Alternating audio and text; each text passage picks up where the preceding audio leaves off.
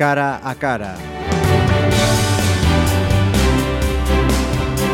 Saludos, vamos con este cara a cara. Muy especial esta semana porque tenemos a una invitada a la que damos la bienvenida porque además es la primera vez que viene y también tiene muchas primeras por delante. Enseguida vais a, vais a saber de quién se trata. Doña Carmela Silva, bienvenida a Pontevedra Viva Radio. Muchas gracias, un placer estar aquí. Eh, me acompaña también mi compañero Oscar Viaitez, que habitualmente cubre la información de la Diputación Provincial. Muchísimas gracias. Y bien que la cubre, por cierto. Muchas gracias Pues decía, primera además que, con muchos matices, porque primer año de mandato en la entidad provincial, primera mujer que preside esta entidad y también un primer eh, gobierno coaligado en esta entidad eh, provincial. Eh, primera pregunta, por tanto, obligada. El hecho de ser la primera mujer que llega a presidir la Diputación Provincial supuso, encontraste recelos en esa, en esa llegada hace, hace un año. Bueno, yo creo que las mujeres siempre tenemos todo bastante difícil, ¿no? Y por lo tanto, cuando por primera vez una mujer llega a una administración o a dirigir una empresa o un sindicato, una ONG o cualquier tipo de institución, administración, pues lo cierto es que se crea mucha expectativa, ¿no? Y yo creo que hay un juicio más duro que cuando llegan los hombres, ¿no? Es cierto que yo en mi vida pues he sido la primera mujer en muchas cosas, por ejemplo, la primera mujer portavoz en el Senado de todos los grupos políticos, ¿no? Y es cierto que sientes la carga de que te están analizando, que están enjuiciando lo que haces y que además fallar eh, es más complicado y más grave, aunque el ser humano tiene que tener el derecho a fallar y a que no todo le salga bien, porque es cierto que cuando se analiza a una mujer, se analizan a todas las mujeres, ¿no? No a esa en particular. Y por lo tanto, sí, yo siento siempre la carga cuando llego a un sitio y soy la primera mujer que llego, y a la Diputación también. Pero bueno, pasado casi un año desde que llegué a la Diputación de Pontevedra, puedo decir que ahora pues me siento una absoluta normalidad, siento el respeto de la gente, siento el respeto de la mayoría de los otros cargos políticos, incluso de otros partidos, y por lo tanto, bueno, pues bien, yo me siento absolutamente normal y espero que esa normalidad cada vez sea más una referencia en la vida, ¿no? Las diputaciones son unas instituciones eh, singulares, raras, específicas. Eh, los ciudadanos no votamos por Carmela Silva para presidente de la Diputación, ni por Mosqueda, ni por Nidia Arevalo. Em, por lo tanto, son un lugar, eh, digamos, apto, propicio para hacer determinadas eh, prácticas, algunos experimentos. Mm, no se le va a juzgar ni al BNG ni al PSOE por el pacto que han hecho en la Diputación. Mm, no porque no hay esa elección directa, como decíamos. Por lo tanto, sí queda margen para coger y ser más valiente como político, para atreverse a hacer otras cosas.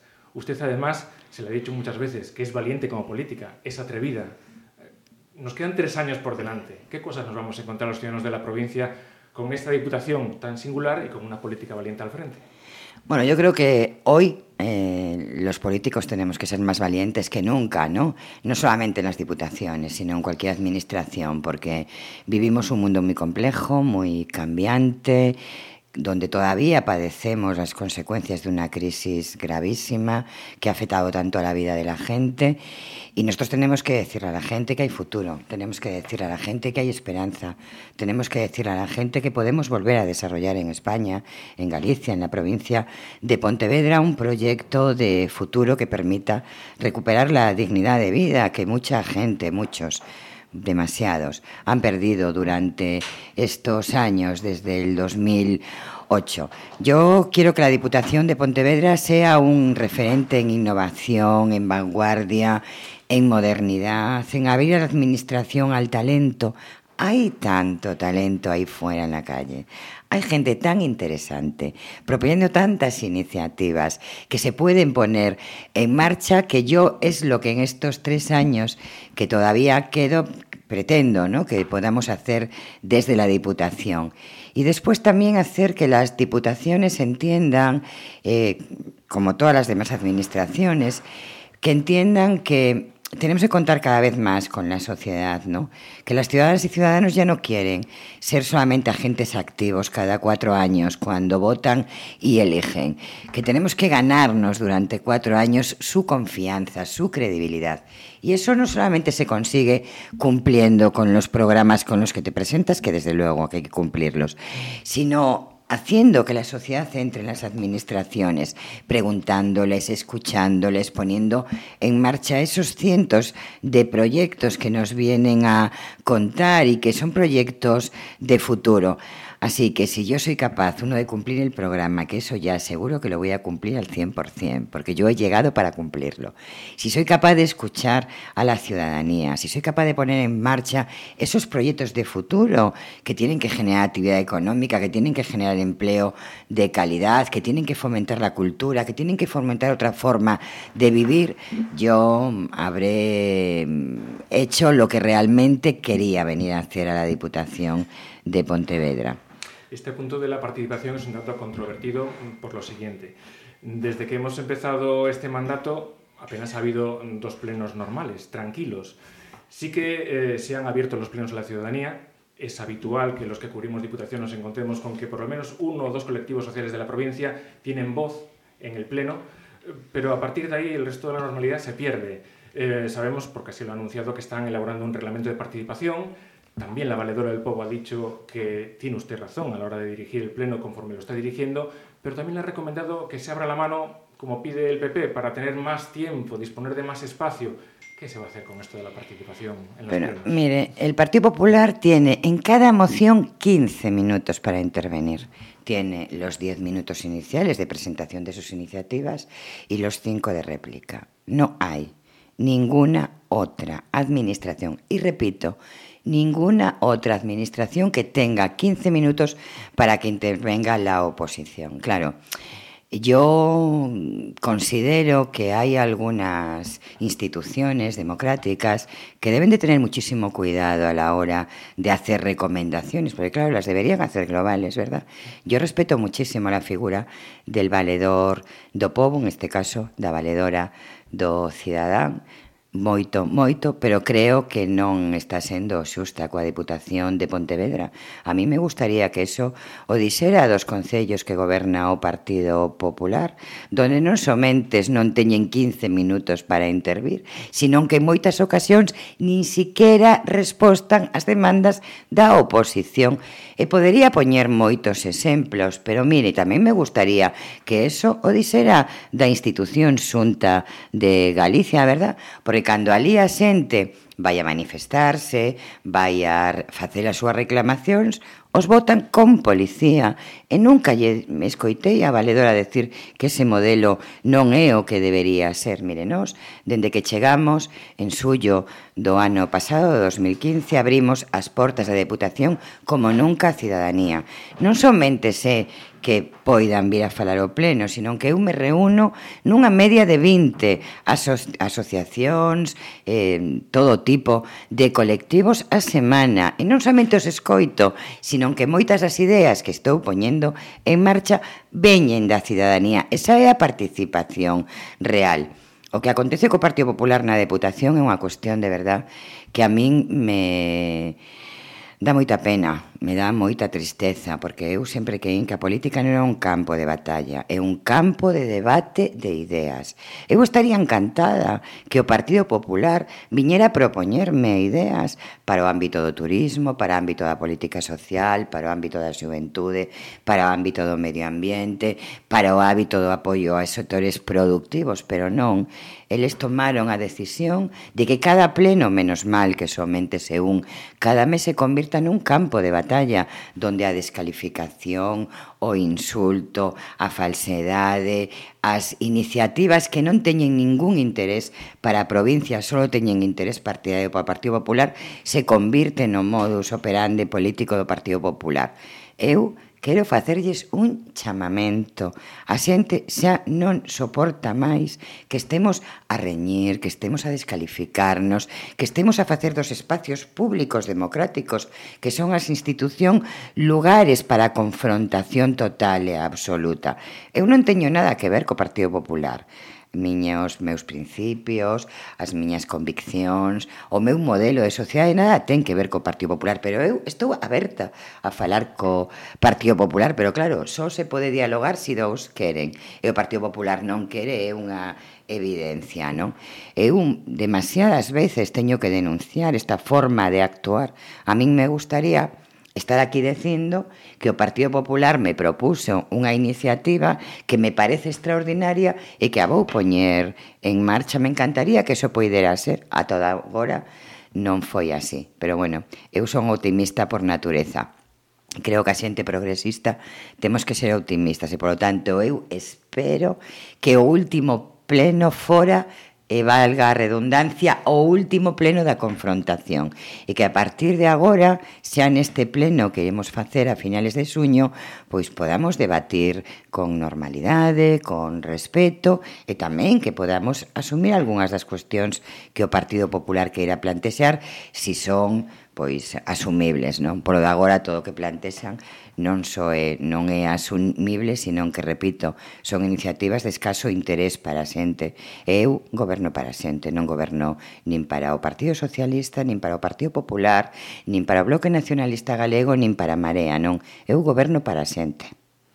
Por no esperaban, sí, sí. Ia preguntarlle por que está a pasar co parque de maquinaria porque é un pouco, sei, sei que é meter todo xunto, pero sí, nos últimos tempos viuse unha escalada eh, no que parecía un conflito laboral no seu inicio, agora xa ten outra entidade con ameazas, pintadas, unhas coroas mortuorias, eh, adquiriu un punto que non sei se terá retorno ou será facilmente mm, reposto o marco onde debería estar nunha mesa de negociación. Mira, eu creo que se si as partes teñen vontade de dialogar, sempre se pode recuperar o diálogo. E ademais hai que facer un esforzo para que sexe así. É certo que cando os ataques traspasan liñas rosas como se traspasaron co tema das pintadas, dos insultos, dos chillidos, da descalificación, das coroas mortuorias, tamén de facer dano ao consunto do espacio público, verdad? Porque as pintadas se fan en muros, que son de vivendas, que son de negocios. E, por lo tanto, non parece que eso sexa unha forma moi civilizada de que cada un pois defenda o que considere. Na Deputación de Pontevedra non hai ningún conflito de ningún tipo co parque de maquinaria. Eso é o primeiro que quero desmentir. Nos o que fixemos o chegar foi intentar cambiar e racionalizar a forma de funcionar e de traballar. Nos creíamos que o parque de maquinaria non podía ser un instrumento para o uso dos gobernantes da Deputación para intentar manterse no poder, para intentar apoyar aqueles municipios donde gobernan eh, alcaldes ou alcaldesas da misma cor que o goberno. Nos creemos que había que darle racionalidade, despois nos queremos cumprir coa legalidade. Mire, non é posible, non se poden pagar dietas ou pernotacións ou horas extras que non se realizan e que eso non se pode facer e que non é legal. Nos chegamos para abrir a deputación á sociedade, para modernizala, para dar un cambio radical, pero tamén para que se cumplira a legalidade. Por lo tanto, eso é o que plantexamos no parque de maquinaria, que por suposto que si se fan horas extras as pagaremos encantados, que si se fan pernotacións as pagaremos encantados, porque aparte o que temos que facer e se se fan eh, comidas fora e que pagar dietas tamén, pero eso ten que ser justificado.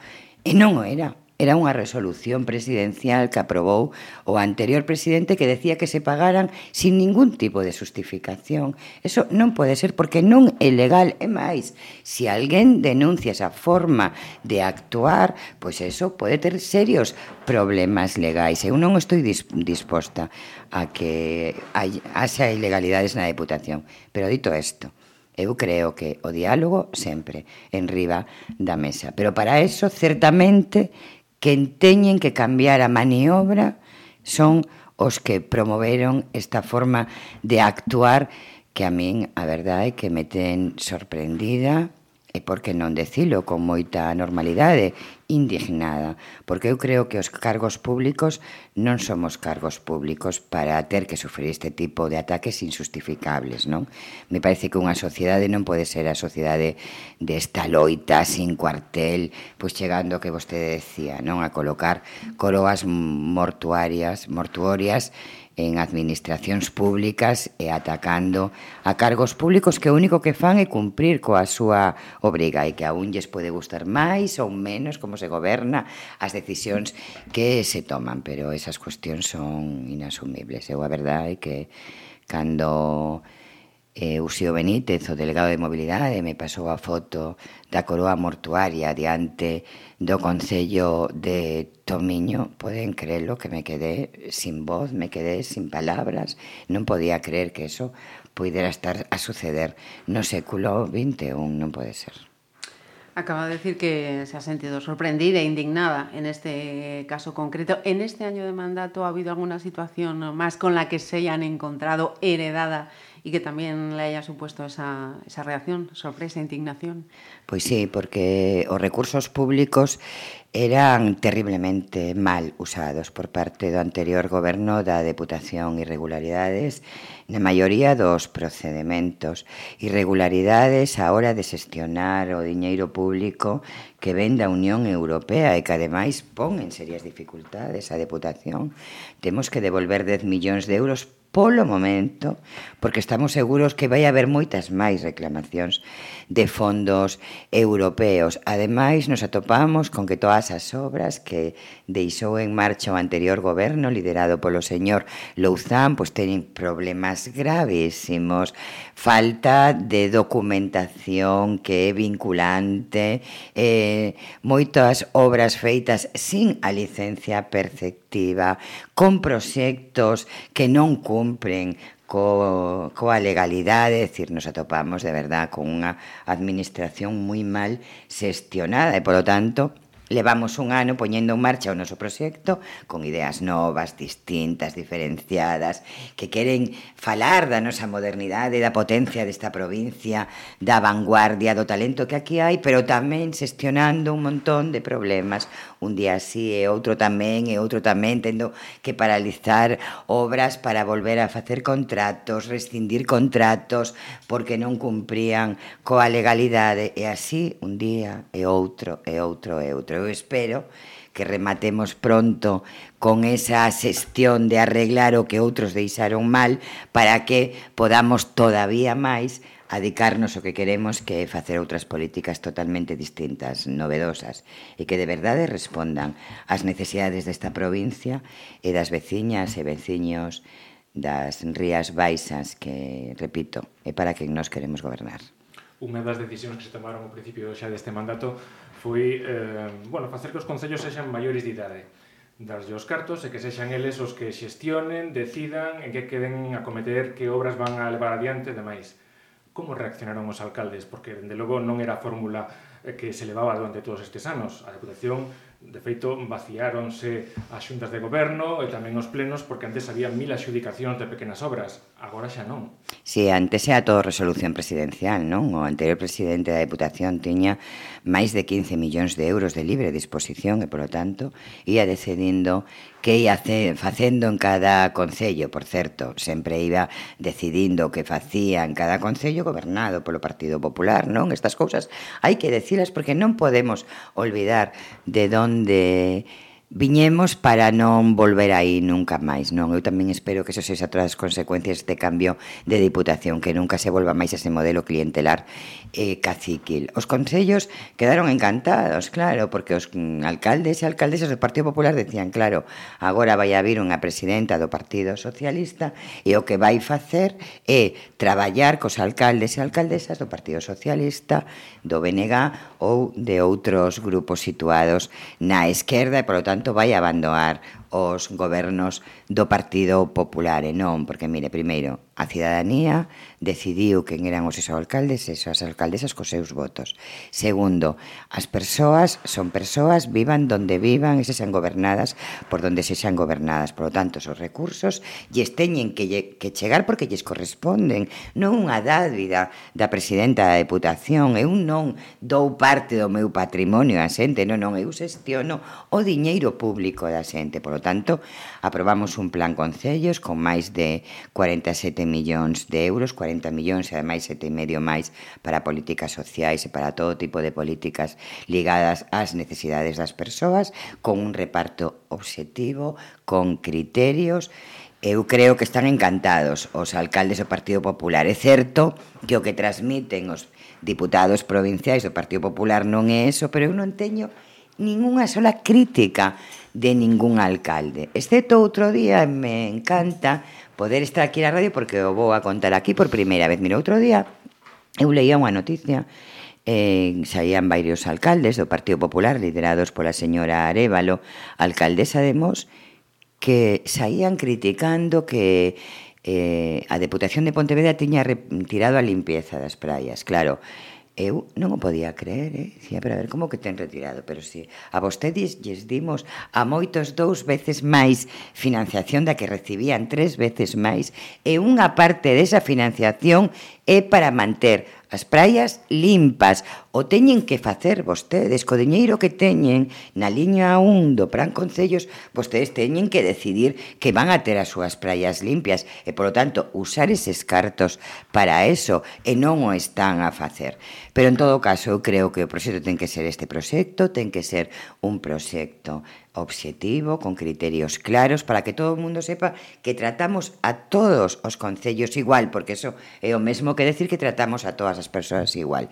Pero tamén é certo eh, que eu eh, teño pensado convocar a todos os alcaldes da provincia para facer unha avaliación do plan concellos, porque si o Partido Popular quere cambiar o modelo, eu os vou a preguntar que modelo preferen vostedes? O modelo que tiña o señor Louzán o este novo modelo. Elixan e digan públicamente, porque si prefiren o outro modelo, pois pues nada, o estudiaremos conxuntamente Entonces, pues bueno, a capacidade de, de decisión estará na presidenta da Deputación que proxectos desenvolve na provincia que sempre o farei con criterios e sempre o farei con obxectividade ou se si prefiren este modelo que que son os alcaldes e as alcaldesas quen deciden que proxectos desenvolven coa financiación que reciben da Deputación. A mí me gusta máis este segundo modelo, pero eu estou disposta a outro, por certo, me daría moito máis protagonismo, verdad? Porque todas as políticas as desenvolvería teríamos o goberno provincial formado polo Partido Socialista e polo Bloque Nacionalista Galego. Eu creo noutro modelo, eu creo na democracia profunda na que deciden que ñes teñen que decidir que son os alcaldes e alcaldesas que vostede decía moi ben ao principio oiga, a vostede non a elixen directamente. Aos alcaldes e alcaldesas sí. Por tanto eu creo quero que se sean eles os que decidan. Pero se si prefiren outro modelo dispostísima a falar cos alcaldes e alcaldesas do Partido Popular. Eles teñen a palabra. Pero a adjudicación directa estenderíase logo para axudas culturais, deportivas, eh, porque xa lle foron a deputación as cantas reivindicacións neste sentido, de a Escola de Gaitas que quería esa xudicación directa para ter os cinco puntos da escola na provincia, o Rally das Rías Baixas que tamén quería esa xudicación directa dos cartos para xestionar Non, mire, eu, eu nunca vou usar a, a xudicación directa e a libre designación, vai conta dos meus principios. Eu en política sempre estou absolutamente convencida de que non se pode saltar os principios que un ten. Eu o primeiro que teño que ser é fiel comigo mismo, com, comigo mesma, como eu entendo a política. Por tanto, eu nunca darei eh, subvencións nominativas a partir de un proxecto de libre designación. Non o farei porque non creo neso. Me parece que é vergonzoso, que é clientelar e que é caciquil. Eu non vou facer ese tipo de política, pero sí que é certo que eu teño moi claro que nesta provincia hai que facer un plan de deportes que podo acordalo cos concellos e, polo tanto, tamén que haxa financiación para que eles que en cada concello desenvolvan a súa política deportiva ou facer un gran plan con criterios, con obxectivos, cun proxecto ben delimitado, e xestionalo eu. Exactamente igual que o que ten que ver coas equipamentos deportivos, verdad? Eu Podo facer un estudio de cales son as carencias de equipamentos nesta provincia e facer un proxecto de equipamentos deportivos e decidir donde se fan ali donde hai menos equipamentos e, polo tanto, facer unha discriminación positiva. Pero exactamente o mismo podo facer con as inversións en infraestructura. Nos temos unha estructura moi relevante de información de como está o saneamento na provincia, como está o abastecemento en lugar de deixar que sean os concellos os que decidan que actuacións queren facer, pois eu podo facer un gran plan de abastecemento e saneamento e leválo a cabo nos mesmos. A min non me gusta ese modelo. Eu non quero decidir polos alcaldes e alcaldesas, pero tamén dende políticas eh, con criterios objetivas, poderíamos facer grandes plans e xestionalos directamente, non a través de axudas, nin de subvencións directas, ni de libre designacións, non, non, xestionar proxectos para o conxunto da provincia e con criterios claros. E por eso eso que teñen que decidir as alcaldes e as alcaldesas que modelo prefiren. Eu lles vou a dar a palabra a eles. E coa xunta, que tal? Pois coa Xunta, evidentemente, eu o sinto, non? Pero mal non, moi mal, non? A Xunta de Galicia non está en, na provincia de Pontevedra a responder ás súas obrigas. Teñen unhas competencias clarísimas. Teñen competencias en educación.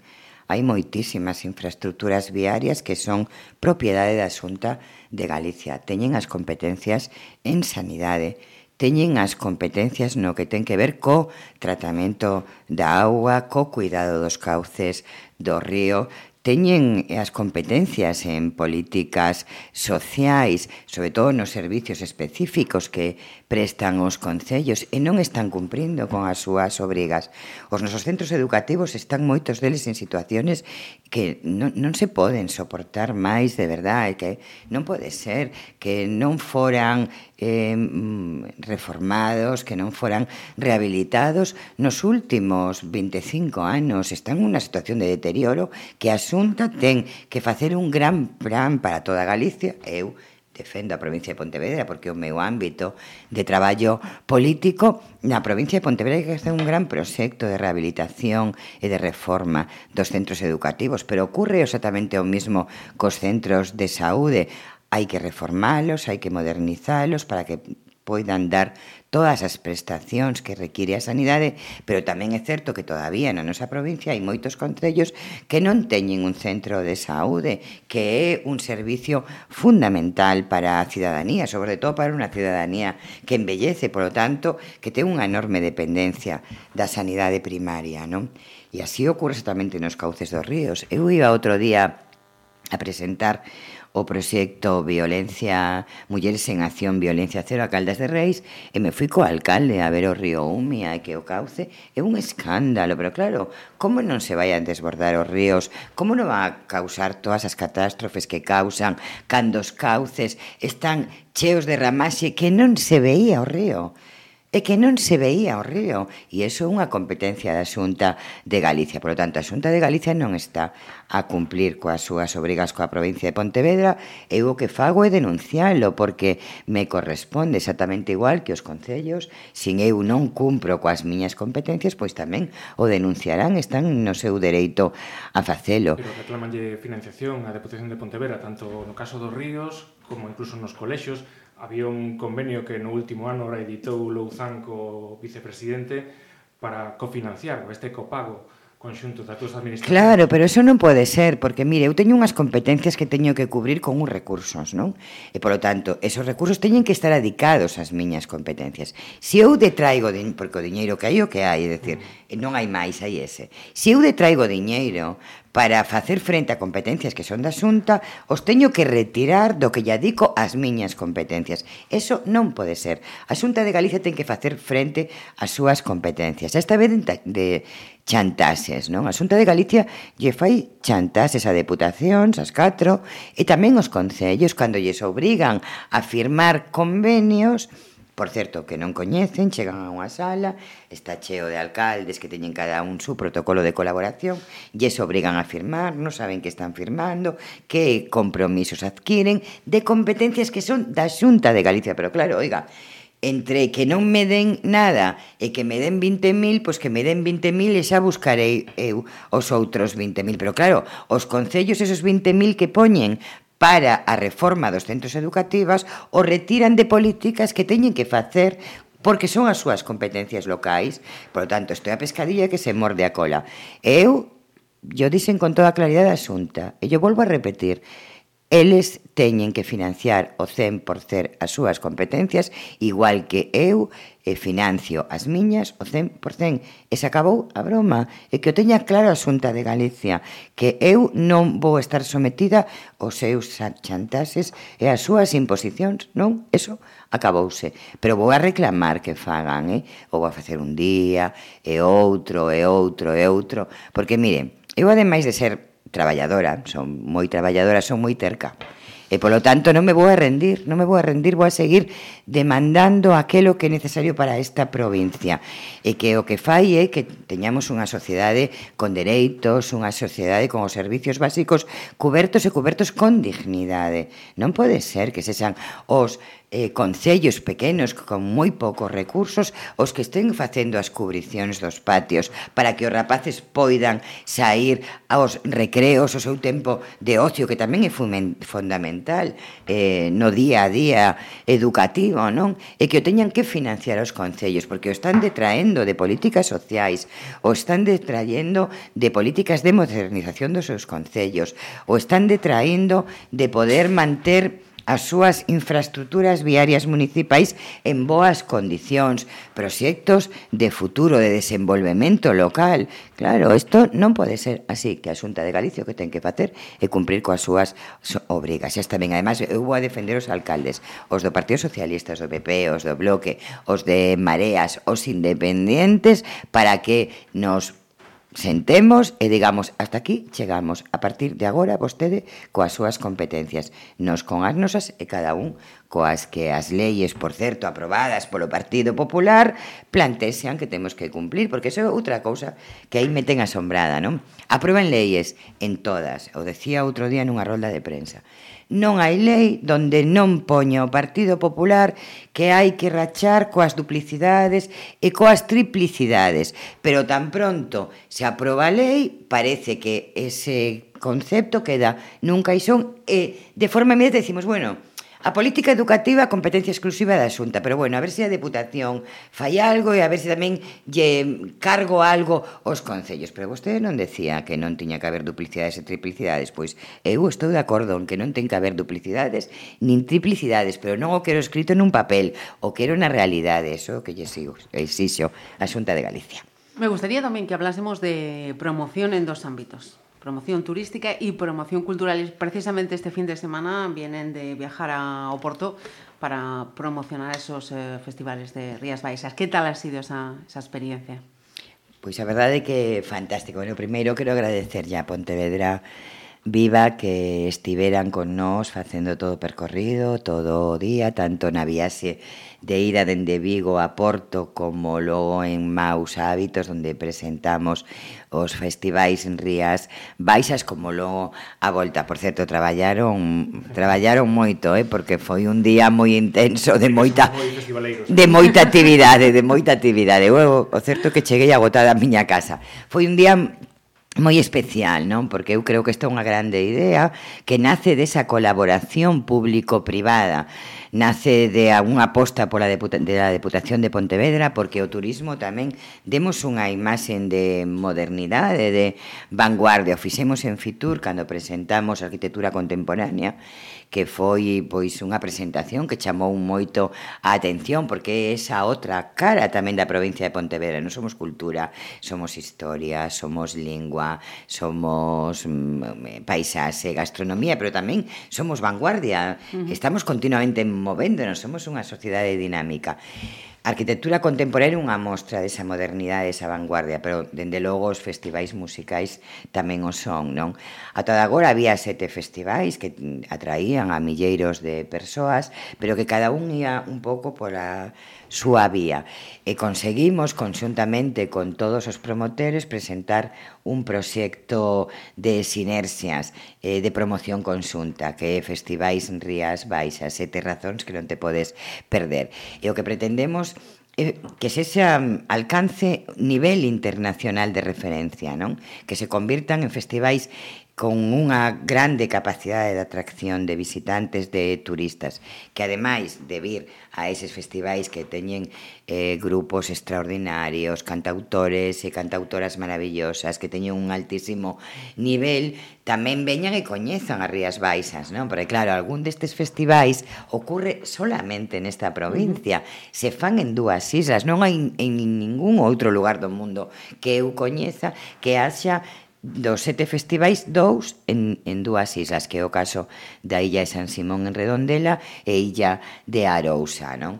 E logo en lugares maravillosos, extraordinarios, non? Como pode ser eh, por América eh, Nigrán ou o Marisquiño en Vigo, non? Que se enche a cidade de xente que non só practica deporte, deporte de risco, por certo, espectacular, que impresiones como se pode facer isto, a mí me parece que é imposible, isto ten que ser unha foto, non pode ser real, pero logo cando estás ali dices, sí, pois pues, sí, é real, pero que ademais tamén hai moita música, moito arte urbano, na rúa exactamente igual que en Bueu ou en Caldas de Reis, que moi pronto vaise celebrar o Festival Cultura Quente ou en Vilasoán, en Vila García de Arosa. Claro, esos sete paraxes son dunha beleza extraordinaria. Eu estou segura que cando a xente ven a ver o festival que ven con ese objetivo ir a un festival de música, se atopa ese entorno, estou segura que queda namorada. Entonces, para o ano que ven queremos que veña o festival e o seguinte,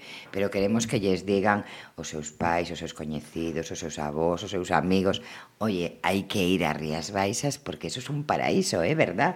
Aquí temos un paraíso, por eso quisemos levar ao Porto, porque en o Porto, ademais, entre todo o sur de Galicia, e ao norte de Portugal viven centos de miles de persoas, é dicir, ese é un mercado moi interesante para nós. O quisemos ir a presentar ao Porto para que sexa a nosa primeira presentación, lo estamos pensando para o seguinte ano leválo tamén, por exemplo, a Madrid, non? E presentar aí tamén os sete festivais Rías Baixas, aproveitar tamén que agora dentro do aeroporto de Vigo está habendo moitas máis rutas, moitos máis voos, pois tamén presentarnos lugares a donde chegan os nosos avións, pois toda a riqueza que temos nesta provincia en Rías Baixas. O sector turístico é un dos que ten máis capacidade de xenerar actividade económica, de xenerar riqueza e de xenerar emprego. Por lo tanto, as administracións estamos obrigadas a dedicarlle recursos para que esa promoción permita, non? que o turismo siga sendo ese sector uh -huh. que ten tanta capacidade de facer que crezcamos, non que tan necesitados estamos de crecer.